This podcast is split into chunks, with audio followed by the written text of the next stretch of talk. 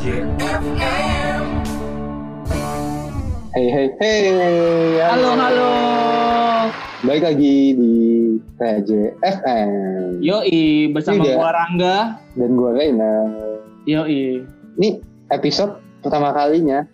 Hmm? Skalanya internasional. Woi, kita mendatangkan narasumber tidak di Indonesia, bahkan tidak di Asia, Betul. Betul. di Eropa lah.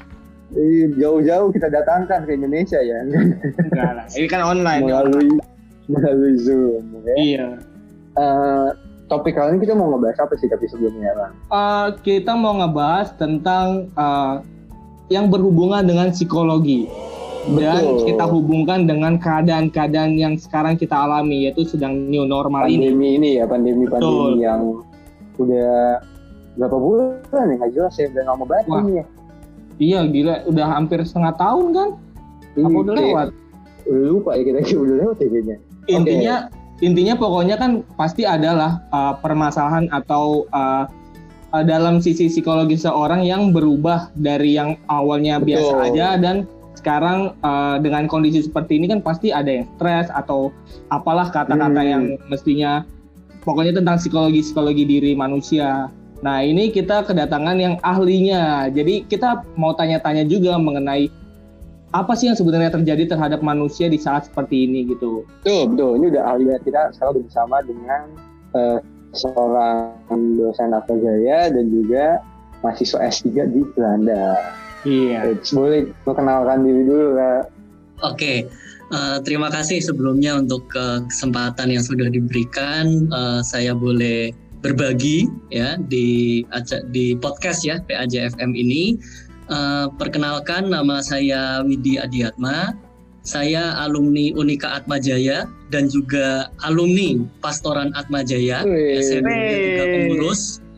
Eh, tapi udah zaman bontot sekali. Saya S1 dulu angkatan 2009. Eh, Kemudian saya bergabung di pastoran dari 2010 sampai 2012. Awalnya saya sebagai koordinator lektor, jadi di bagian liturgi masih oke. ada ya. masih, Masih kan? masih, masih ada nggak ada dihapus ya. jangan dong Kemudian saya di 2011 menjadi Dewan Harian eh, Liturgi. Kemudian di tahun 2012 saya eh, menjadi Dewan Harian di bidang eh, bukan wilayah. Nggak tahu namanya sekarang apa. Masih Iya, sama ya? Wilayah. Masih wilayah. Oke, ya. Nah, eh, setelah itu saya lulus tahun 2000 eh, 2013 dan di zaman di akhir saya menjadi pengurus pastoran tahun 2012 itu di saat itu juga pertama kali eh, kami membuat yang namanya Exus. Kelihatannya sekarang udah berubah. Saya nggak tahu. Oke, iya iya. Intinya eh, semacam kaderisasi untuk pengurus baru Betul. dan betul. mungkin sebagai informasi itu dulu pertama kalinya kami merancang sebuah kegiatan yang lebih eh, konstruktif ya. Dulunya ya nggak usah kita nggak usah menyangkal dulunya selalu ada perpeloncoan. Dulu dulu Ya. tapi ya. Nah jadi waktu itu pertama kalinya kami membuat kaderisasi nggak perlu pakai bentak-bentak. Nah tapi sekarang saya yakin pasti sudah lebih baik lagi. Kemudian saya di 2013 mulai studi eh, magister psikologi profesi juga di Atma Jaya. Oh. Jadi hidup saya penuh dengan Atma Jayanya seperti nama saya Adi Atma. Jadi Atma semua. bukan Abdi Kemudian Atma ya. lulus. iya betul. Kadang jokesnya Widi ada di Atma. Wih. Lalu saya lulus di tahun 2016. Lulus setelah lulus saya langsung eh, melamar menjadi dosen tetap kembali ke alma mater. Di Fakultas Psikologi Unika Atmajaya, saya tergabung di bagian klinis. Lalu tahun 2019 itu saya eh, puji Tuhan mendapatkan eh, kesempatan untuk studi lanjut S3 eh, di Radboud University Nijmegen di Belanda dan kebetulan eh, saya juga mendapatkan beasiswa dari pemerintah dari ke- sekarang di bawah Kemendikbud dari Dikti Hmm. ya saya harap semoga nanti teman-teman pastoran juga semakin termotivasi bersemangat untuk bisa meraih prestasi ya prestasi nggak harus akademik ya prestasi-prestasi yang lain semoga bisa semakin terpacu dan ini sekarang saya sedang menjalani tahun pertama studi S3 saya di uh, Departemen Neuropsychology and Psychology Rehabilitation.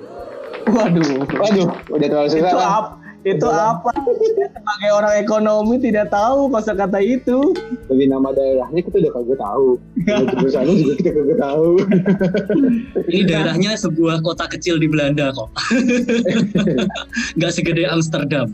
Berarti, berarti uh, Kak Widi ini sering ketemu menir-menir dong di sana. Wah iya, menir-menir, waduh tinggi-tinggi semua, aduh. Kompeni, kompeni. kompeni, kompeni. VOC itu ada VOC. oh banyak, banyak. Kalau mau cari uh, museumnya ada, museumnya. Oh iya. Bahkan iya. Uh, bahkan kalau mau apa mendapatkan berbagai macam uh, apa ya informasi tentang Indonesia di masa lalu itu banyak Hmm. Seperti oh, ini, iya. sambil cerita-cerita dikit nggak apa-apa ya? Iya, iya apa-apa. Nanti kalau nggak sesuai di cut aja. Saya pernah waktu itu di Amsterdam ada semacam apa PKL PKL gitu, tapi PKL legal ya, bukan ilegal ya. Itu ada yang menjual barang-barang kuno, barang-barang second. Oh, iya. Saya sempat beli peta Batavia tahun 1928.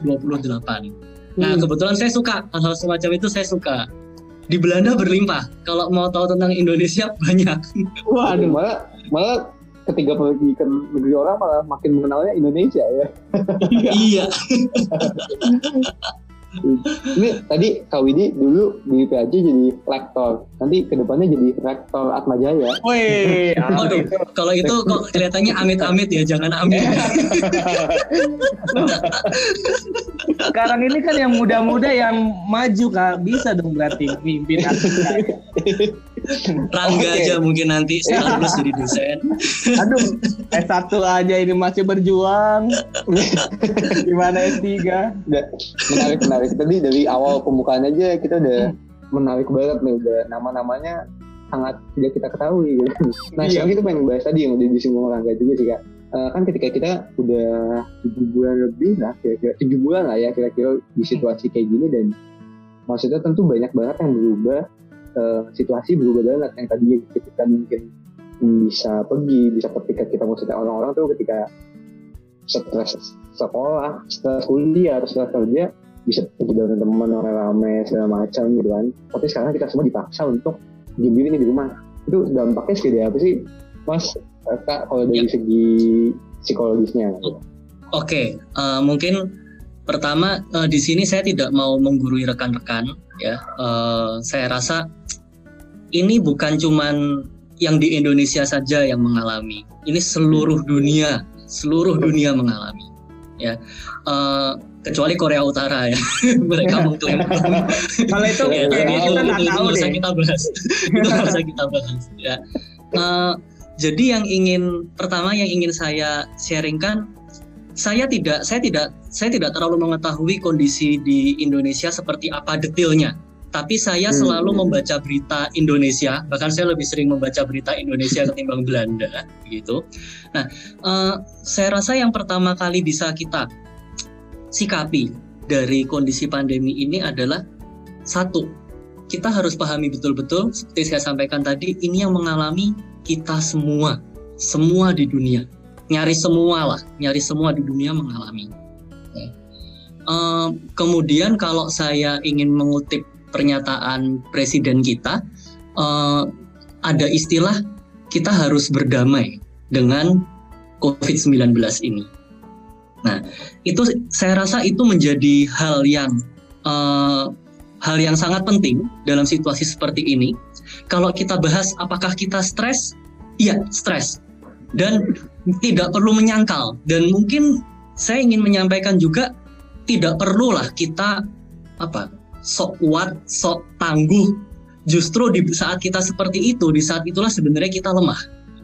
Nah, dalam kondisi seperti ini kita um, ya saat kita ingin berdamai dengan sesuatu, berdamai dengan COVID-19, pertama kita harus bisa uh, mengakui kalau memang oh ini situasi yang tidak mengenakan. Siapa sih yang suka kalau lagi pandemi gini semua aktivitas dibatasi begitu. Nah, jadi kalau kita merasa stres, merasa tidak nyaman, merasa harus dipaksa harus berubah dan lain-lain, itu adalah hal yang wajar, hal yang lumrah. Yang harus kita uh, sikapi adalah di tengah kondisi seperti ini, ya tidak ada banyak pilihan yang kita miliki, kita harus mengikuti protokol kesehatan dari pemerintah. Itu itu yang yang bisa kita lakukan. Mungkin dari saya itu dulu. Mungkin ada uh, sambil hmm. kita berdiskusi. Nah, gini uh, tadi kan udah nyinggung juga kakak bilang bahwa stres. Kita bisa aja stres dan kita nggak tahu uh, nggak usah ditahan-tahan.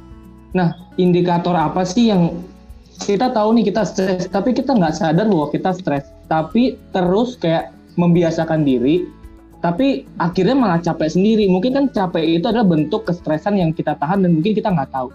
Itu ya. gimana kak? Dengan keadaan seperti ini kan kita nggak bisa nebak gitu. Oke, okay, oke, okay. baik. Uh, simpelnya seperti ini. Ada nggak dari entah Rangga, entah Rainer, kalau Nia nggak boleh ditanyain ya, Nia karena Oke, okay, oke okay, ya udah berarti Reina dan Angga. ada nggak? Ini ini saya nebak-nebak aja gitu ya, karena yeah, ini okay. umumnya terjadi pada orang yang masih muda. Saya menganggap diri saya tua deh ya. uh, kebetulan saya sempat kontak gitu dengan salah seorang teman yang lebih muda dari saya gitu. Ada nggak dari kalian yang tidurnya di atas jam 12 malam? Saya dong. Oh, pasti. Oh pasti, oke, oke, oke. Iya, saya, tidur ketika matahari terbit. Ah, masih contoh baik, contoh baik, contoh baik tanda kutip, tanda kutip. Oh, sorry, contoh baik tanda kutip. Untuk kasus ini baik. Iya, iya, iya. Oke, kalau Rainer apakah juga sampai matahari terbit separah itu? Enggak, enggak ya.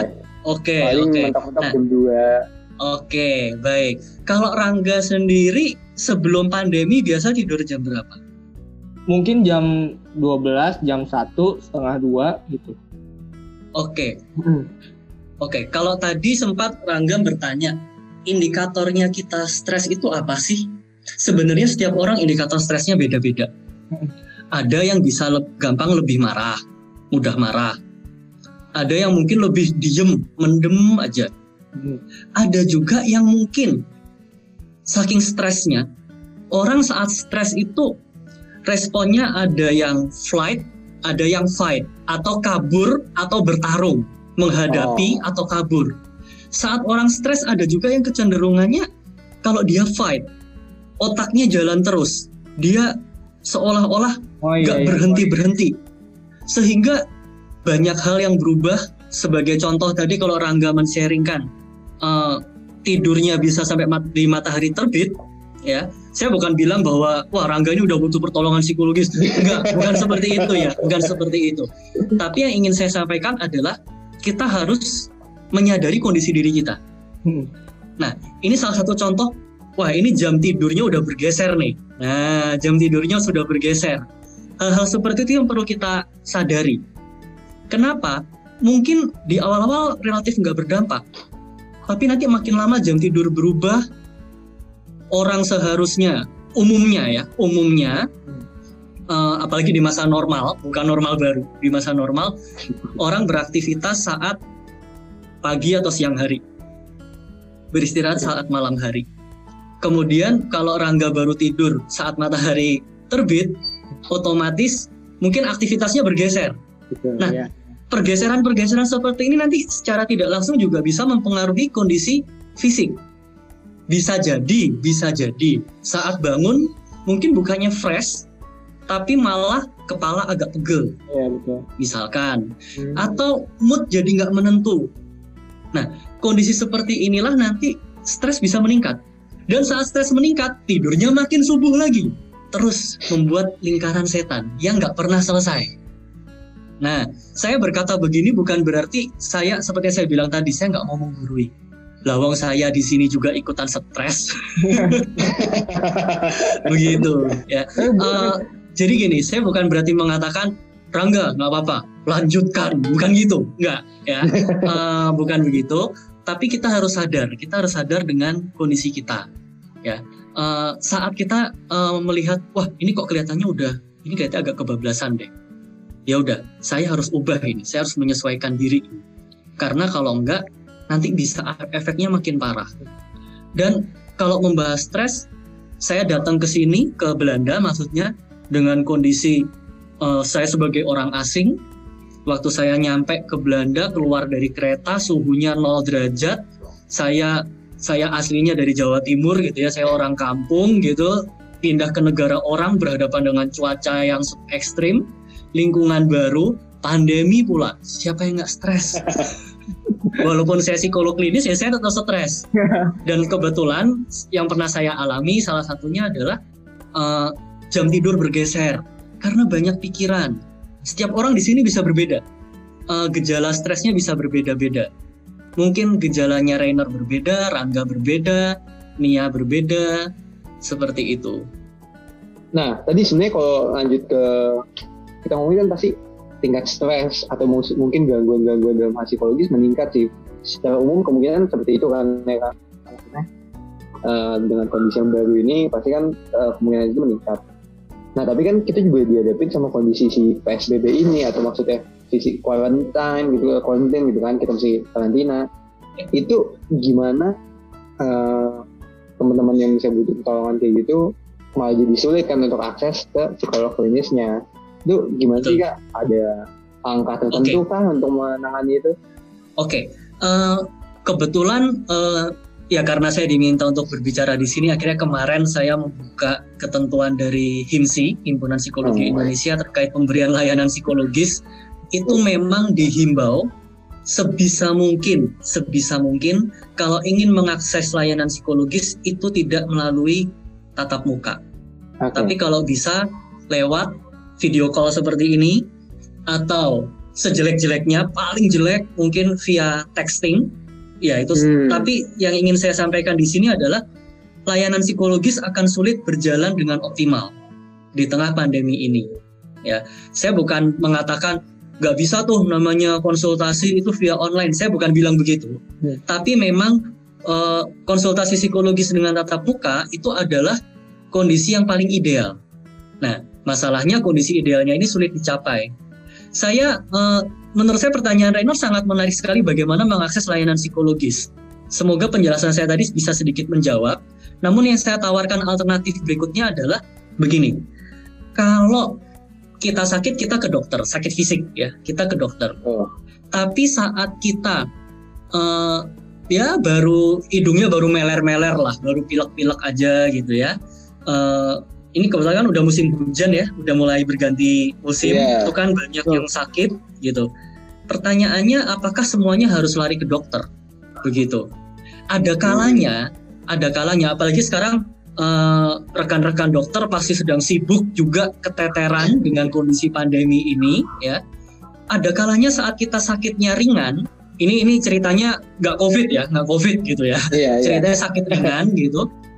Mungkin apa yang bisa kita lakukan? Istirahat. Kemudian minum tolak angin, ya nggak? Minum tolak iya. angin itu itu itu, itu obat. Ah, kayu putih. Vitamin.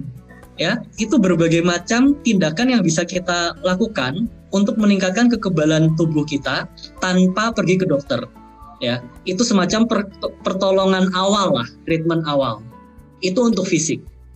Nah, bagaimana untuk psikologis? Psikologis juga ada semacam dalam tanda kutip vitaminnya. Ya ada juga vitaminnya. Apa yang bisa kita lakukan? Sekarang saya mau tanya uh, Rainer tinggalnya di rumah atau kos atau gimana? Di rumah. Rumah. Kalau Rangga? Di rumah juga kak. Di rumah. Oke. Okay. uh, eh, bersama keluarga ya Rainer dan Rangga? Hmm iya.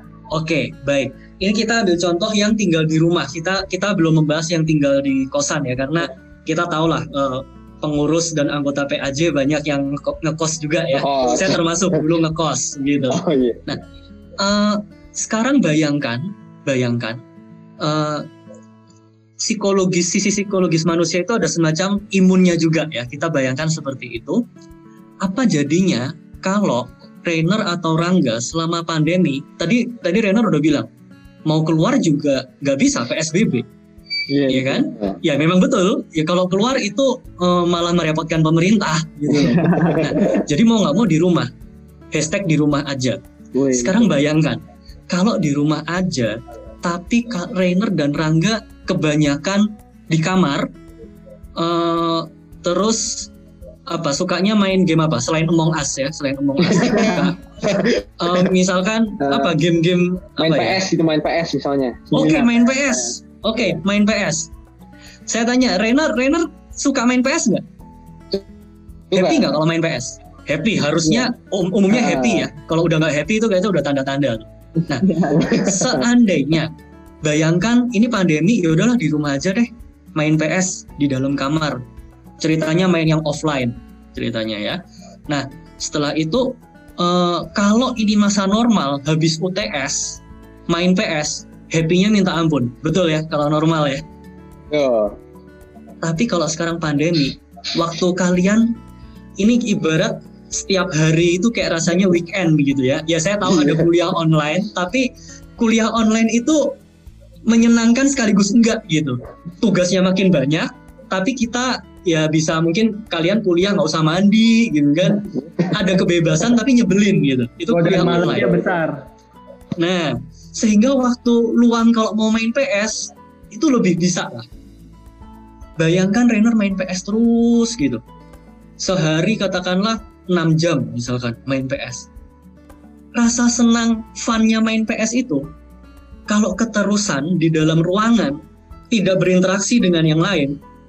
Interaksinya cuma sama AI di dalam game itu aja gitu ya Iya. misalkan main apa GTA atau apa cuman ya mukul-mukulin orang itu kan AI semua kan Hmm. itu berbeda itu aktivitas yang dilakukan secara solo secara sendiri dilakukan terus menerus itu malah akan menimbulkan eh, atau ini kalau saya tadi membahas tentang daya tahan psikis itu merusak daya tahan psikis ibarat Oh. kalau fisik kalian nggak minum vitamin kalau seperti itu ingat saya bukan Oh. melarang main PS bukan. Iya. saya nggak ngelarang ya. Silahkan bermain PS tapi yang ingin saya sampaikan di sini kalau kalian ingin kita ingin mengkonsumsi vitamin psikologis untuk meningkatkan daya tahan psikis kita lakukan hiburan betul.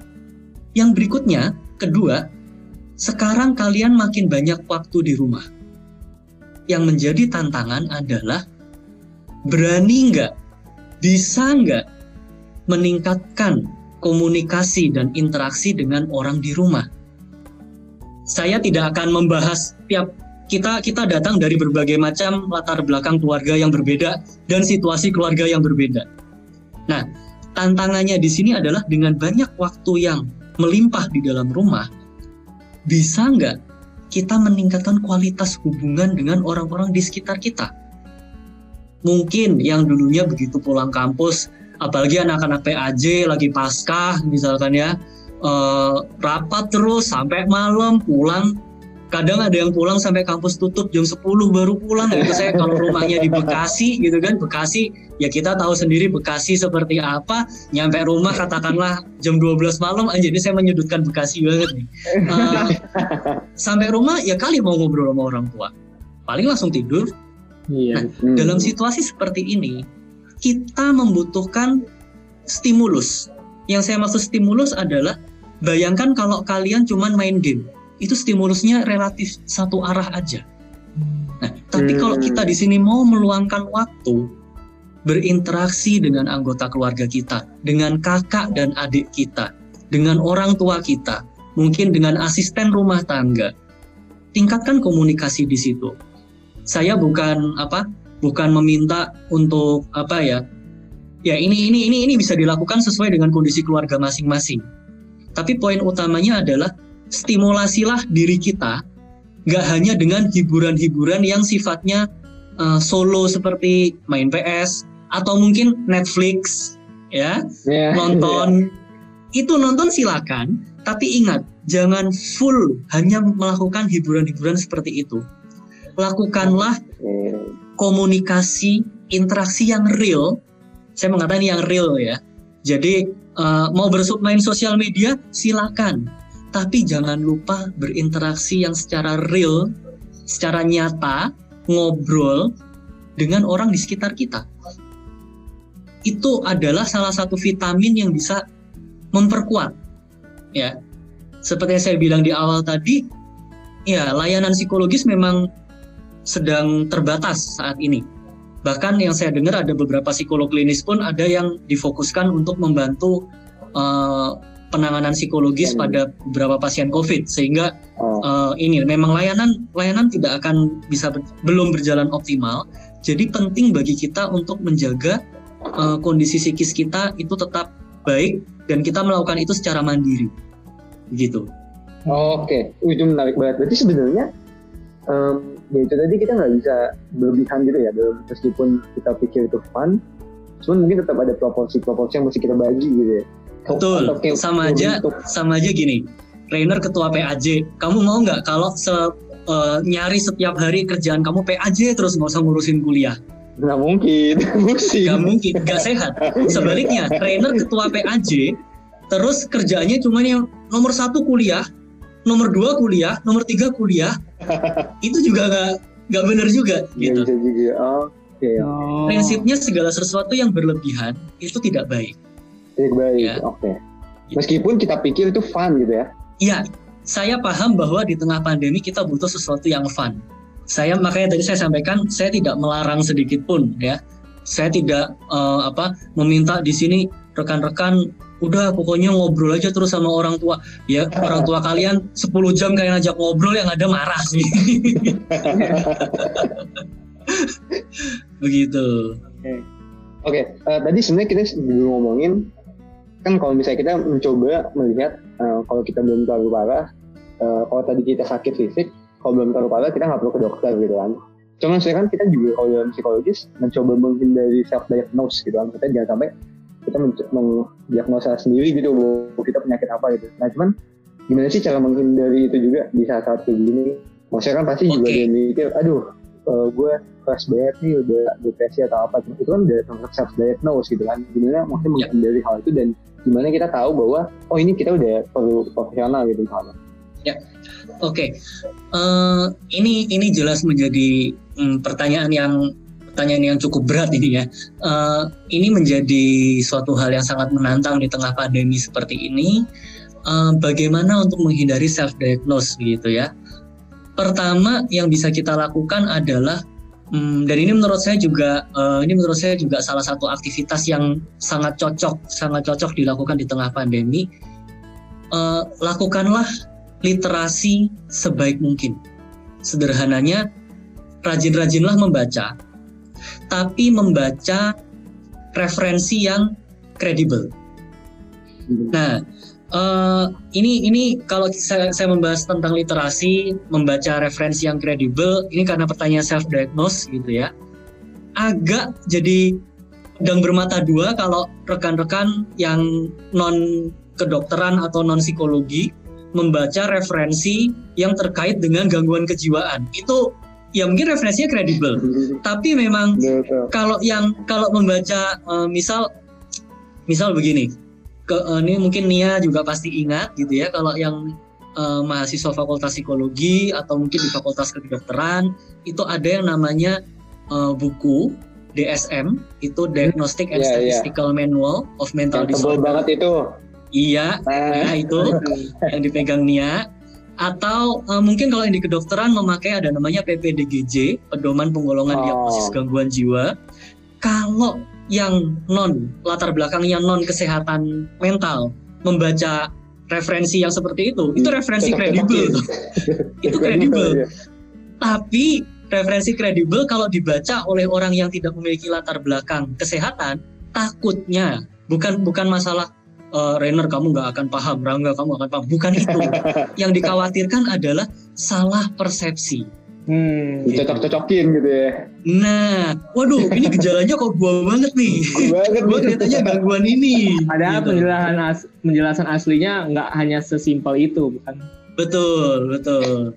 Nah, uh, jadi pertama tadi literasi, kedua bagaimana setelah literasi, tuh jadi makin self diagnose gitu ya gimana caranya biar gak self diagnose uh, aduh saya ngomong tapi takutnya malah makin self diagnose tapi uh, begini nanti kalau ada yang nggak jelas tanyakan ya. Kalau yeah, yeah. jelas tanyakan ya. Oke okay, oke. Okay. gini deh. Um, beberapa ciri beberapa ciri yang udah mengindikasikan seseorang itu uh, gangguan atau enggak itu ada beberapa hal yang bisa kita lihat. Sekarang saya tanya misal uh, Rangga Rangga jomblo nggak Rangga baru jomblo. Oke, okay. baru, baru ya, pas, baru ya. Pas nih ya, pas ya. Aduh. ini sebelumnya kita nggak pernah kenal ya. Ini Kita nggak pernah ketemu. asal nanya ya. Kita tidak pernah membicarakan ini sebelumnya. Iya, iya. Oke, oke. Ya aduh, nggak usah ketawa. Udah, magic show sudah, kita. sudah. Sudah, sudah, yang lain yang ketawa. Ini serius ini. Oke. Gini, baru begitu ya.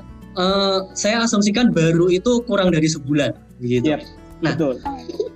Kalau se- eh, baru baru jomblo, pertanyaannya adalah Rangga cenderung ini jawab jujur aja, tapi nggak usah dijawab panjang-panjang. Ini bukan sesi konsultasi soalnya ya. Ini mana aja nanti ya. Nanti setelah rekaman ya, setelah Iya, rekaman betul. mungkin.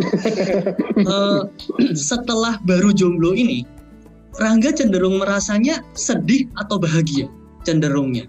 Sedih. Oke, sekarang saya tanya eh, buat Rangga dan Rainer. Rangga baru jomblo sehingga perasaannya ada ada rasa sedihnya. Yang ingin saya tanyakan, Rangga normal atau enggak? Oh, wow. Harusnya normal karena kehilangan. Jangan ngomong harusnya dong Rangga. Saya kan manusia biasa. Betul. S- Sekarang gini, eh, saat kita punya hubungan kemudian berakhir, umumnya umumnya akan merasa sedih. Kecuali, ini ini misal, ini misal ceweknya mantannya Rangga itu, wah kerjaannya namparin Rangga, duitnya diporotin gitu ya. Jadi begitu berakhir, wah lega, puas, wah gua terbebas. Nah Iya. itu mungkin bahagia. Tapi umumnya, umumnya saat hubungan itu berakhir kita merasa sedih. Wajar nggak merasa sedih? Wajar. Wajar. Kalau sakit fisik misalkan, eh, bayangkan tangan kalian diiris sama pisau sedikit keluar darah, wajar nggak? Ya wajar. Wajar. Orang ada ada stimulusnya, ada hal yang menyakitkan, terus terus tangan kita berasa sakit, wajar. Kalau tangan kita nggak sakit itu malah aneh. Itu malah aneh, itu malah yang nggak benar. Jangan-jangan Deadpool. Nah, iya benar. Jangan Deadpool itu. Iya. iya. Terus lukanya sembuh, nutup langsung jadi Wolverine gitu ya. Eh, yang yang yang menjadi yang menjadi permasalahan di sini adalah apa jadinya kalau ini nggak ada apa-apa nih ya tiba-tiba em, misal atau ini atau apa kita kita kita makannya normal terus tiba-tiba perut kita sakit banget di bagian kanan bawah usus buntu ternyata nah itu kan yang penyakit Hmm. Padahal selama ini makannya bukan habis makan cabai atau apa enggak, mungkin dulu ya, mungkin eh, eh, beberapa bulan sebelumnya makan cabai banyak banget, tapi belakangan nggak makan cabai, tiba-tiba keluhan-keluhan perutnya sakit. Nah, itu itu itu yang namanya udah gangguan. Hmm, Dalam psikologis ya, dalam aspek psikologis eh, untuk ngecek ini ini gangguan atau enggak, salah satu yang dicek adalah ini. Sekarang Rangga adalah mahasiswa Fakultas Ekonomi angkatan 17. 17. 17 itu udah tahun ke Rasa 7. ya. Akhir. Empat. Tahun, Tahun keempat ya? ya. Oke. Lulus tepat waktu ya Rangga ya. Amin. Oke. Nah, saya akan membuat contoh ini ini contoh ekstrim ya. Ini contoh ekstrim dan ini amit-amit terjadi. Ini amit-amit terjadi. Misal Rangga nih. Eh, atau jangan Rangga deh, saya takut nih. Nia aja, Nia, Nia yang yang nggak nongol. Nia Iya, kan iya, iya, nongol. iya. Nah, kita tadi kan- omongin Nia. Nah, Nia, Nia Iya, anggap aja ceritanya Nia tuh angkatan 2015 kan, bener nggak? Bener ya, 15 ya. Nah, eh, dia ceritanya belum lulus, dia ceritanya belum lulus. Nah, eh, kebetulan dia eh, baru saja, bukan baru saja, dua tahun yang lalu dia udah barusan putus sama pacarnya. Semenjak dia putus sama pacarnya, eh, Nia lebih sering mengurung diri, ya. Skripsinya dilanjutin nggak? Boro-boro yang lanjutin skripsi, hilang saya yakin kalian sering dengar istilah mahasiswa ngilang ya saat ngerjain skripsi hilang nggak kelar udah ini masuk ke ventilasi, impostor gitu ya. Ah. udah ya dia udah dia udah menghilang masuk ventilasi nggak nggak nongol nongol gitu Iya. ya Eh, di saat itulah kita bisa melihat Nia tugasnya adalah sebagai mahasiswa tapi dia sebagai mahasiswa gagal terhambat terganggu dalam menyelesaikan tugasnya dia sebagai mahasiswa, yaitu menyelesaikan skripsi. Dan uh, dia yang seharusnya seorang mahasiswa, uh, katakanlah dua tahun lalu 2018 gitu ya, uh, Nia juga anggap aja masuk ketua PAJ. Semenjak Nia putus, dia jadi uh, pekerjaan-pekerjaannya di pastoran terbengkalai. Akhirnya rapat sering kali dipimpin oleh sekretarisnya. Dia ngilang, dihubungin ke mana nggak tahu. Nah, saat seseorang sudah mulai tidak bisa menjalankan, kalau dalam istilah psikologis itu sering kali dipakai tidak bisa menjalankan fungsinya. Fungsinya sebagai mahasiswa dan sebagai ketua PAJ adalah ini ini ini ini ini ya menyelesaikan tugas kuliah, menyelesaikan uh, tugas-tugas di pastoran dan jangan lupa juga Nia sebagai anak dari orang tuanya yang tinggal di rumah seharusnya menjalankan keseharian apa? Makan. Makan tuh itu itu tugas loh dalam tanda kutip itu tugas loh. Ya kalau nggak makan, kalau nggak makan tewas dong nanti. Ya tugas-tugas yang mungkin kita nggak nggak tahu bahwa itu juga termasuk tugas kita sebagai manusia mandi harus tapi semenjak semenjak Nia diputusin Nia mandi jadi tiga hari sekali. Aduh. Makan sehari sekali. alasan, wah alasannya banyak banget lah. Udah, udah, udah, gue nggak niat, gue nggak niat gitu. Nah, apabila kondisi tersebut berlangsung dalam jangka waktu tertentu, ya. Jadi nanti nih, Rangga, kalau tiba-tiba kamu besok aduh kok gue males mandi ya? Anjir jangan-jangan gue gangguan jiwa. Enggak gue males itu. Ya kalau masih sesekali aja nggak mau mandi ya udahlah terserah kamu. Cuman cuman jangan jangan dibiasakan. Nanti kebalik ya. Kan kebalikan. Lu kenapa nggak mau mandi? Gue gangguan jiwa. Kebalikan malah malah ngaku. Nah itu itu jadi saat kita ingin um, seorang klinis, seorang klinisi, psikolog klinis atau psikiater atau dokter saat ingin mendiagnosa gangguan kejiwaan, itu pertama yang dilihat adalah satu gejalanya. Kalau tadi misalkan Nia merasa sedih, terus isi pikirannya adalah benar-benar terobsesi dengan mantannya. Nah, itu itu itu itu gejalanya. Berikutnya gejala itu sampai mengganggu nggak? Mengganggu. Nah, masa saya mengganggu ini adalah mengganggu fungsi kesehariannya Rangga tadi cenderung sedih, tapi seberapa mengganggukah kesedihan Rangga dalam fungsi sehari-harinya? Ternyata Rangga masih bisa kuliah, uh, kuliah pikirannya nggak fokus. Iya, oke. Okay. Tapi masih jalan nih kuliahnya. Tetap nilai sedikit turun. Oke, okay. ya sebagai informasi saat saya dulu putus sama mantan juga nilai saya turun kok gitu. Tapi ya ya udah gitu. ya ya ya udah gitu loh ya. Nah, uh, fungsinya seberapa terganggu. Kalau sampai parah sekali, ya, parahnya ini udah berapa lama? Itulah untuk kita menentukan, ini secara umum ya, secara umum untuk menentukan seseorang itu mengalami sampai kegangguan atau enggak. Hmm. Atau mungkin sekedar saya sedang punya masalah. Beda ya, orang yang punya masalah itu belum tentu sampai terganggu. Sama aja tadi kalau kalian nggak sengaja lagi motong bawang, jarinya keiris sedikit, itu luka nggak? Luka. luka. Tapi nggak sampai sakit penyakit gitu bandingkan sama kanker yang atau tumor ya kan ekstrim gitu. Jadi untuk jadi untuk apa uh, menghindari self diagnose ya literasi penting ya di satu sisi literasi bisa membuat kita lebih aware oh ini loh ada yang namanya masalah kesehatan jiwa itu seperti ini bahkan saya pernah mendengar ungkapan it's okay not to be okay. Itu menurut hmm. saya cukup baik dengan kita aware tentang berbagai macam masalah kejiwaan. Untuk meningkatkan awareness bagus. Tapi untuk self diagnose jangan. ya. Bagaimana biar nggak self diagnose? Tadi saya memberikan sedikit gambaran sederhana. Apa bedanya yang gangguan sama yang nggak gangguan? Hmm, gitu. Jadi sebenarnya mungkin tadi yang tips dari Kak Widi itu buat orang-orang untuk mengetahui oh ini tuh udah gangguan atau belum. Nah tapi ketika gangguan jangan sampai dia nggak diagnosa sendiri nih penyakitnya yeah. apa gitu. Cuman ketika dia diagnosa gangguan ya konsultasi dengan profesional gitu bukan nggak?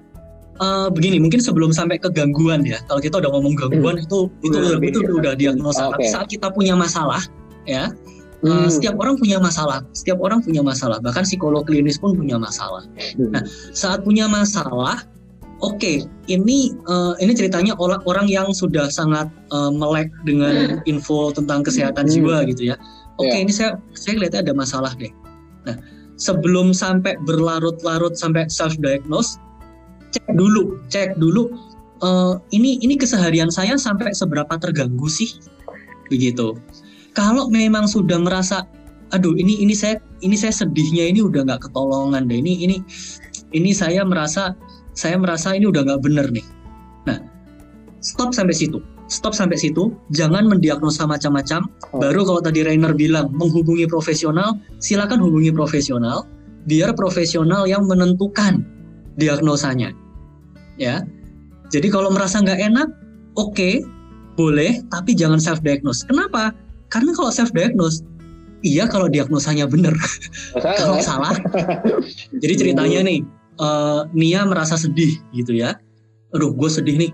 Eh, kok rasanya gue merasa nggak enak, hati gue rasanya nggak enak banget. Eh, gue kelihatannya depresi ya. Anjir, makin panik.